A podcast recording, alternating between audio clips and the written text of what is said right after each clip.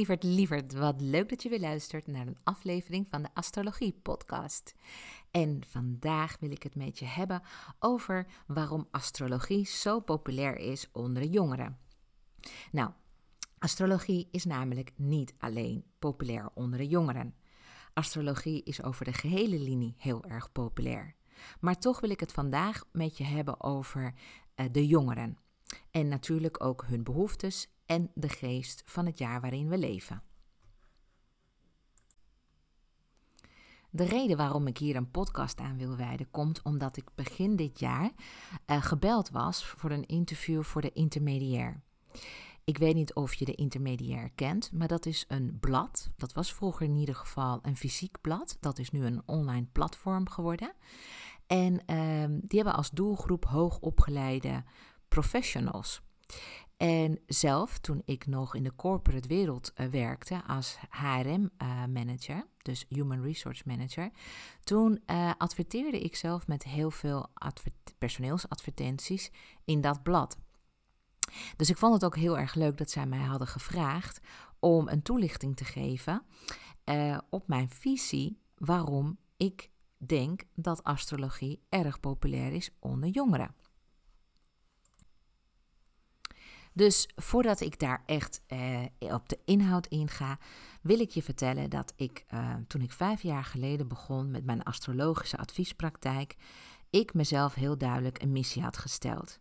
Ik wilde namelijk astrologie mainstream maken in Nederland, want ik zag eigenlijk een soort van, ja, een tweeledige um, houding ten opzichte van astrologie.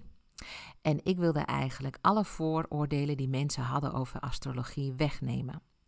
We leven nu vijf jaar verder en wat ik nu ook zie en ervaar is dat astrologie hotter dan hot is. Ik ben heel erg blij dat ik daar een bijdrage aan heb mogen leveren. Als het mij vraagt, vind ik eigenlijk dat astrologie onderwezen zou moeten worden op school.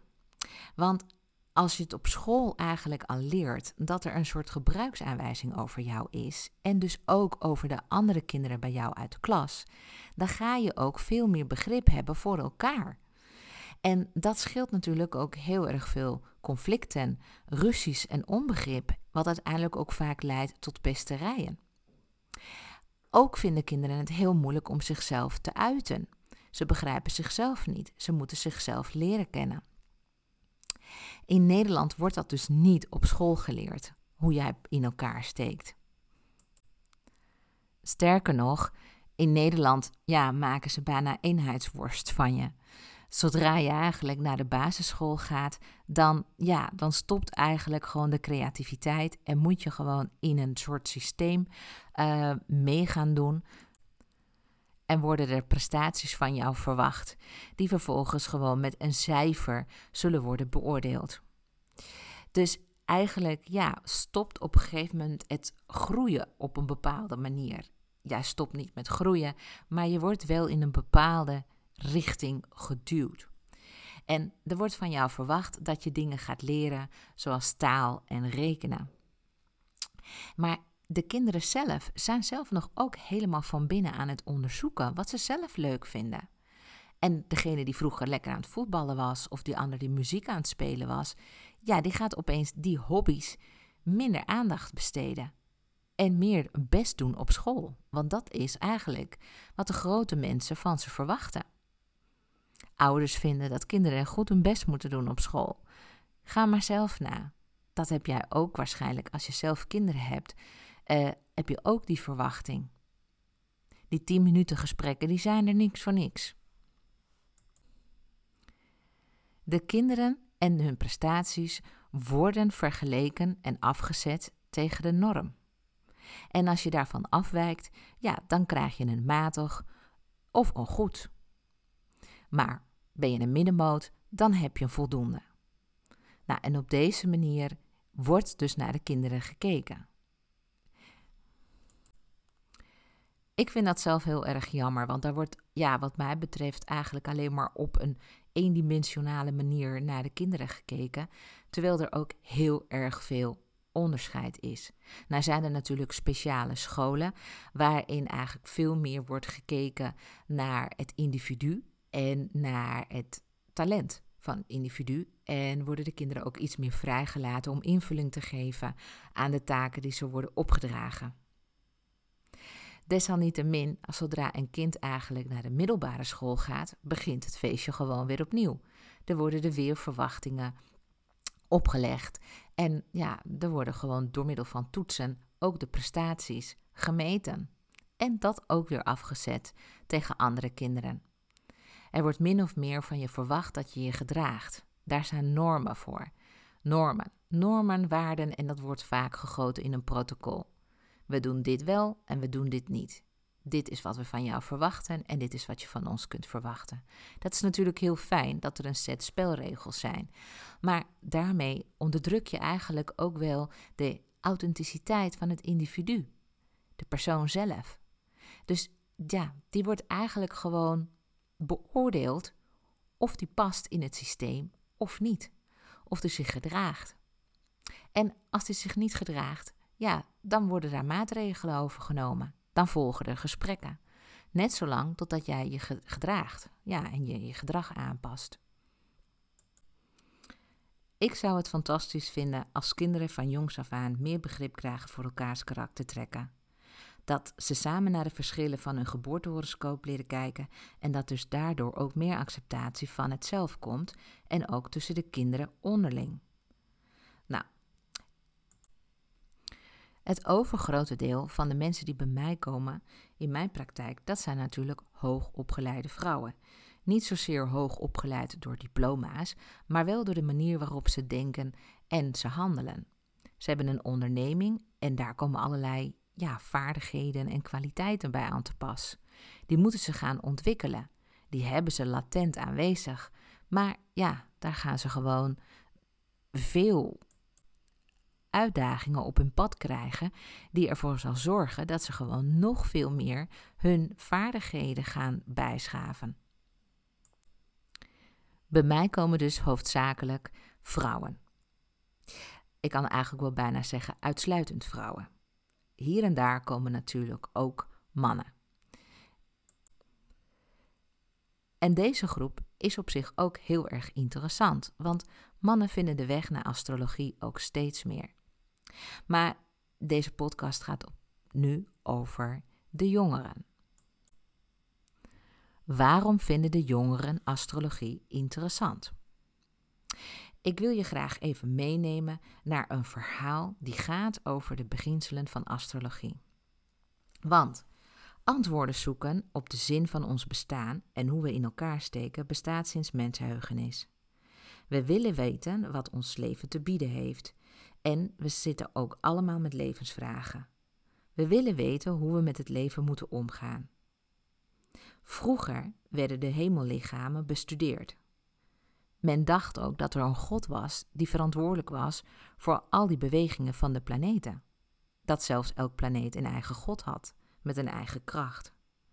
En dat, de bestudering van de hemellichamen, dat leidde tot religie. Er moest wel een God zijn die verantwoordelijk was voor alles.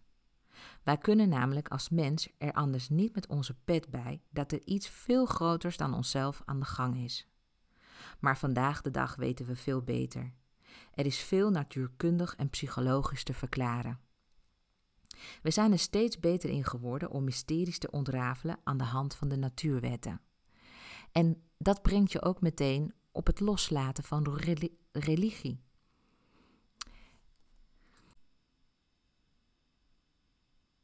Kijk, men wordt wijzer. Er is steeds meer informatie beschikbaar. En de mensen die geloven en naar de kerk gaan of gingen, met alle respect voor hun geloof, die leren ook gaandeweg dat er eigenlijk twee werelden zijn. De wereld waarin eigenlijk de kerk of het geloof dicteert dat er goden zijn, en de wereld van de wetenschap die ons steeds meer informatie verschaft over de natuurverschijnselen. Het is best wel lastig ingewikkeld, zo niet heel complex, als je bent opgegroeid met een idee dat er een God is geweest die alles heeft gemaakt. En tegelijkertijd leer je ook op school dat er ook iets is als natuurkunde, scheikunde. Dat we ook foto's kunnen maken van het heelal. Dat er ook satellieten worden geplaatst in het heelal. Kortom, ja, het is eigenlijk best wel verwarrend. Dat is ook hoofdzakelijk de reden waarom gewoon jongeren een beetje loskomen van hun geloof. De vraag is: wat moeten ze geloven? Wat is echt? En ze gaan zo op eigen onderzoek uit. En dan zeker nu in een periode waarin er iets heerst als een lockdown, een shutdown, een slowdown. Onze wereld is kleiner dan ooit geworden en tegelijkertijd ook nog nooit zo groot geweest. We staan binnen een mum van tijd in contact met andere jongeren aan de andere kant van de wereld. Het is bijna niet te bevatten, maar wij kunnen gewoon met onze telefoon contact leggen met iedereen en alles in heel de wereld. Zelf ben ik astrologisch business coach voor ondernemende vrouwen. En ik heb een achtergrond in het personeelsvak. Ik heb me bezig gehouden altijd met dingen die te maken hebben met het talent van de medewerkers. Ik heb me bezig gehouden met de werving en selectie, met het selecteren van de geschikte kandidaat, zodat we de juiste persoon op de juiste plek kregen. En ik heb me ook bezig gehouden met talentontwikkeling. Hoe kunnen we ervoor zorgen als bedrijf dat we het talent van het personeel optimaal benutten, zodat we ze langer aan onze organisatie kunnen binden? Want het is nogal kostbaar om iedere keer weer opnieuw, als iemand uit dienst gaat, iemand weer aan te gaan trekken van de markt. Dat kost niet alleen maar heel veel inwerktijd, maar je weet ook niet precies wat je aan die persoon hebt. En dat is wel het geval als je langdurig met iemand al samenwerkt. Je ziet ook dat iemand gewoon zich graag wil ontwikkelen, steeds meer zelfvertrouwen ergens in krijgt of een voorkeur ontwikkelt. En daarom is het ook mogelijk om binnen bedrijven promotie te maken. Niet alleen promotie naar boven, dus dat je een moeilijker of zwaardere functie krijgt, maar ook promotie horizontaal. Dat je een andere functie gaat vervullen, ook iets wat goed bij je past. En dat ga je een aantal jaren doen, zolang jij het nog leuk vindt en zolang jij nog productief bent voor de organisatie. Met mijn eigen praktijk richt ik me op ondernemende vrouwen in dienstverlenende beroepen en ook op kennisexperts. Dat zijn namelijk mensen die zichzelf als belangrijkste instrument zien binnen hun eigen bedrijf. En ik kan aan de hand van die horoscoop heel goed kijken wat iemands kwaliteiten zijn, die ze vervolgens goed kunnen inzetten weer om anderen te helpen. In de tussentijd ontgaat het mij natuurlijk niet wat er ook gewoon op wereldsniveau gebeurt. Ik zie de toenemende vraag onder de jongeren ook. En ik heb daar wel een goede verklaring voor. Je hoeft het natuurlijk niet met me eens te zijn, maar ik wil je gewoon alleen maar wat food for thoughts geven, zodat je een beetje een stukje met me mee kunt wandelen, want misschien kun jij het ook inkaderen. Als allereerste voelen jongeren zich namelijk steeds meer wereldburgers. Dat komt door social media. Zij komen in aanraking met andere jongeren en laten zich inspireren door influencers, maar ook dus door elkaar. In andere landen, zoals in India en zelfs de Verenigde Staten, is praten over je horoscoop doodnormaal. Daar zie je ook ontzettend veel filmpjes van over op het internet. Hierdoor word je geconfronteerd met astrologie. En dat smaakt vaak naar meer. Je wilt er meer over weten. Ten slotte heeft een influencer ook dus invloed op je. Als tweede zie ik ook dat jongeren een behoefte hebben aan een gebruiksaanwijzing.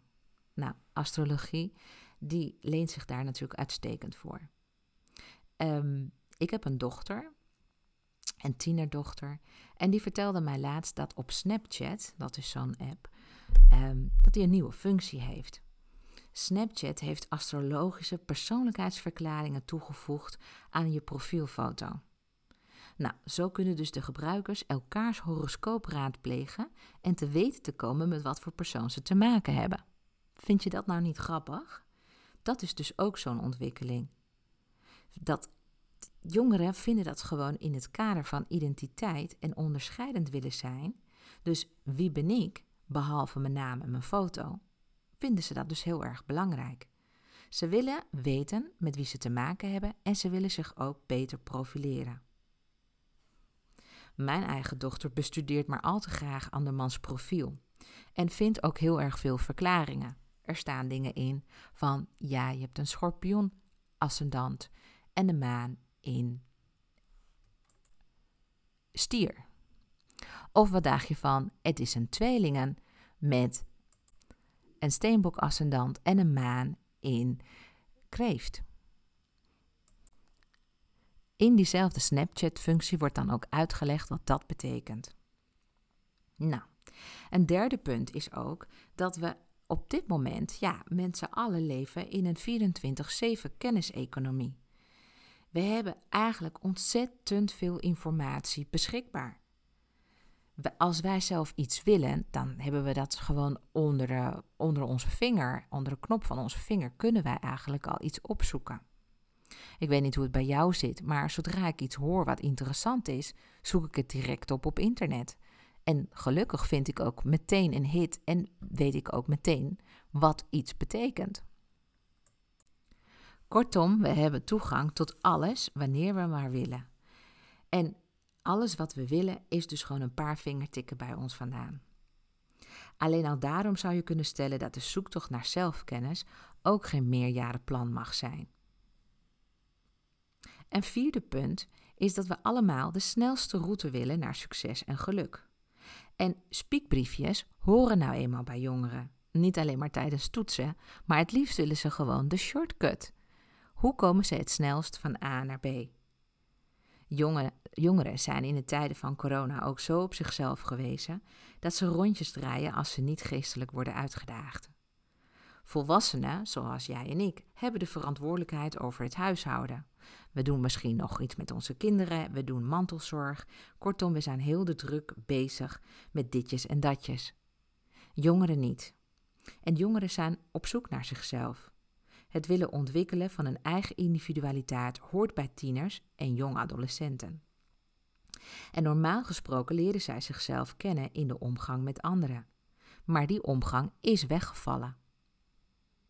Het groepsgebeuren is zo nu en dan mogelijk, maar de jongeren zijn op dit moment heel erg op zichzelf gewezen. Hobby's en uitgaan zijn uit het menu geschrapt. Normaal gesproken ben je gewezen op feedback van anderen, ook voor een goed gevoel over jezelf. Nu zijn de jongeren meer naar binnen gericht, gedwongen, omdat naast gamen, chatten en bingwatchen niet meer veel overblijft. Jongeren voelen zich eenzamer en somberder, en dat blijkt ook uit onderzoeken. Ja, het is een bekend verschijnsel dat mensen op zichzelf gewezen zijn en daardoor ook meer tijd hebben voor introspectie, naar binnen keren. Gelukkig gaat de maatschappij een beetje los, beetje bij beetje. Maar deze periode zullen de jongeren nooit vergeten. Dan mijn vijfde verklaring. Ook is het zo dat vele jongeren zich laten inspireren door de vele mensen die zichzelf broadcasten. Je hoeft maar op internet te gaan kijken en je ziet gewoon dat iemand iets aan het vertellen is. Of het nou een influencer is of iemand die een tutorial maakt. Het lijkt de doodnormale, de doodnormaalste zaak van de wereld om naar een filmpje te kijken van iemand anders en dat iemand anders dat ook heel erg makkelijk kan. Het lijkt dus super normaal om filmpjes en audio van jezelf met heel de wereld te delen. Dat lijkt zo, althans. Denk maar eens aan TikTok. Ik weet niet of je die app kent, maar dat is best wel een nieuwe rage. Net als Clubhouse, dat is zo'n audio drop-in app. Dus dan luister je eigenlijk de hele tijd naar elkaar, of naar in ieder geval naar hosts die een show uh, op dat moment geven. Maar het gekke is, het lijkt zo normaal, Maar het is echt zo dat voor vele mensen het super moeilijk is om naar buiten te treden, om jezelf te manifesteren. Dat is gewoon niet voor iedereen weggelegd. Het lijkt allemaal zo normaal, maar je gaat je abnormaal voelen als jij daar niet aan meedoet. Om naar buiten te treden moet je eigenlijk zelfverzekerd overkomen. Maar om zelfverzekerd te zijn, moet je weten wie je bent en ook waarvoor je staat. En dat is een weg wat vele jongeren nog moeten afleggen. Het is voor een volwassen persoon al vaak lastig, laat staan voor jongeren. Dan als zesde punt. Jongeren willen natuurlijk een goede studiekeuze maken. Lijstjes invullen van interessegebieden en belangstellingsgebieden en dat soort dingen. Ja, ik weet niet of jij die jongeren kent, maar vaak komen ze terug met: ja, volgens een lijstje moet ik dit gaan doen of moet ik dat gaan doen. Maar dat is gewoon niet afdoende. Jongeren weten gewoon niet wat ze niet weten. En dat weten ze ook weer maar al te goed. En alles in het leven gaat snel. Alles is snel beschikbaar. Het enige wat niet sneller is gegaan is de studieduur. Want een opleiding, ja, die kost gewoon al gauw drie tot vier jaar van je leven. Een doorstuderen kost nog veel langer. Je wilt gewoon niet de plank misslaan. Je wilt erbij horen en ertoe doen. Je bent bang voor FOMO. En FOMO staat voor Fear of Missing Out. Dat is een heel bekend fenomeen. Je wilt meedoen. Je wilt alles zien, alles horen en erbij horen. Je wilt eigenlijk onderdeel uitmaken van je eigen tribe. Oftewel van dezelfde soort groepen mensen die dezelfde interesses delen als jij. We noemen het ook wel gelijkgestemde. Maar hoe kom je erachter wie jouw gelijkgestemden zijn, als je zelf niet eens weet wie je zelf bent? Astrologie is dan ook zeer verleidelijk en totaal onschadelijk voor jongeren om te raadplegen. Je komt in ieder geval al veel meer te weten. En dan tot slot, de laatste reden die ik zo kon bedenken, is dat een deel van de jongeren geïnteresseerd is in hun potentieel en een ander deel wil ook gewoon graag weten wat de sterren te vertellen hebben over hun levensloop. Zeker wanneer het uitzicht al niet te florissant is. Het is logisch dat mensen willen weten of er licht is aan het einde van de tunnel. Men wil gewoon weten hoe lang gaat alles duren. Wat betekent de coronasituatie bijvoorbeeld voor mijn studieduur? Wat zal ik eens gaan doen met mijn tijd, met mijn geld, met mijn energie? Jongeren snakken naar perspectief. En ze willen hoop, want hoop doet nou eenmaal leven. Kortom, resumerend, jongeren, maar ook zeker volwassenen, willen weten waar ze goed in zijn. Men wil gewoon weten waarom je tegen bepaalde dingen aanloopt. Waarom je je voelt zoals je je voelt en hoe je succesvol kunt worden. Het is niet zo dat mensen vaak willen weten wat ze later kunnen worden. Ze zoeken gewoon veel meer naar verklaringen en inzichten. Bijvoorbeeld dus, waarom vind ik het zo moeilijk om met mijn emoties om te gaan? Of waarom trekt het duistere mij? En is dat duistere wel zo duister? Waarom ben ik zo gevoelig? Waarom heb ik een kort lontje? Waarom voel ik me anders dan anderen? Maar vooral ook, wat maakt mij uniek? Hoe kan ik me onderscheiden? Je kunt deze antwoorden en nog veel en veel meer terugvinden in je horoscoop. De kwaliteiten, de graven, het potentieel, de roeping, welzijnsvraagstukken, spanningsvelden, leerlessen, zielsreis. Kortom, je hoort het al, ontzettend veel. En dat staat allemaal in je horoscoop. Dat is toch allemaal wel zeer waardevolle informatie, nietwaar? En steeds meer mensen ontdekken dat. Overigens is het niet zo dat er in een horoscoop staat dat jij bijvoorbeeld later een influencer gaat worden en vet veel geld gaat verdienen. Maar in de horoscoop valt wel af te lezen dat je het in je hebt om een publieke functie te vervullen. Dat je er ook van geniet om zichtbaar te zijn en dat je overtuigend overkomt door jouw zelfverzekerde houding. ook door jouw kennis van zaken en je vlotte babbel. Omdat je geboortehoroscoop gunstig staat ten aanzien van jouw gevoel van eigenwaarde en materiële welvaart, is de kans zeer aannemelijk dat je in eigen onderhoud kunt voorzien met de genoemde talenten. Zo is eigenlijk de interpretatie van de horoscoop. Je moet dus ook iemand hebben die ook al die planeten, aspecten, huizen, etc. met elkaar combineert en daar een goed verhaal van vertelt.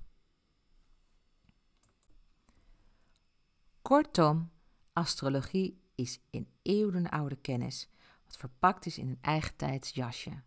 Het past in deze moderne wereld om gebruik te maken van alle kennis die onze voorouderen ons hebben opgeleverd.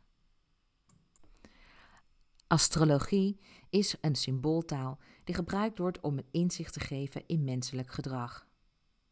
Het is ook dan ook vaak zo dat er wordt gezegd: zo boven, zo onder en zo binnen, zo buiten. Wij zijn een weerspiegeling van het universum en we willen ook weten waarvoor we zijn gemaakt. Het mooie is dat we met de studie astrologie een heel eind komen in die zelfontdekkingsreis. Nou, dit was het dan alweer voor vandaag. Ik hoop dat je dit een leuke aflevering vond en dat je hier ook heel veel inzichten uit hebt gehaald. Ik ga zo even lekker koken, want ik heb een groot gezin. Ik heb een samengesteld gezin. We hebben vier kinderen samen. En ze hebben allemaal trek, dus ik ga heerlijke gebraden kip maken.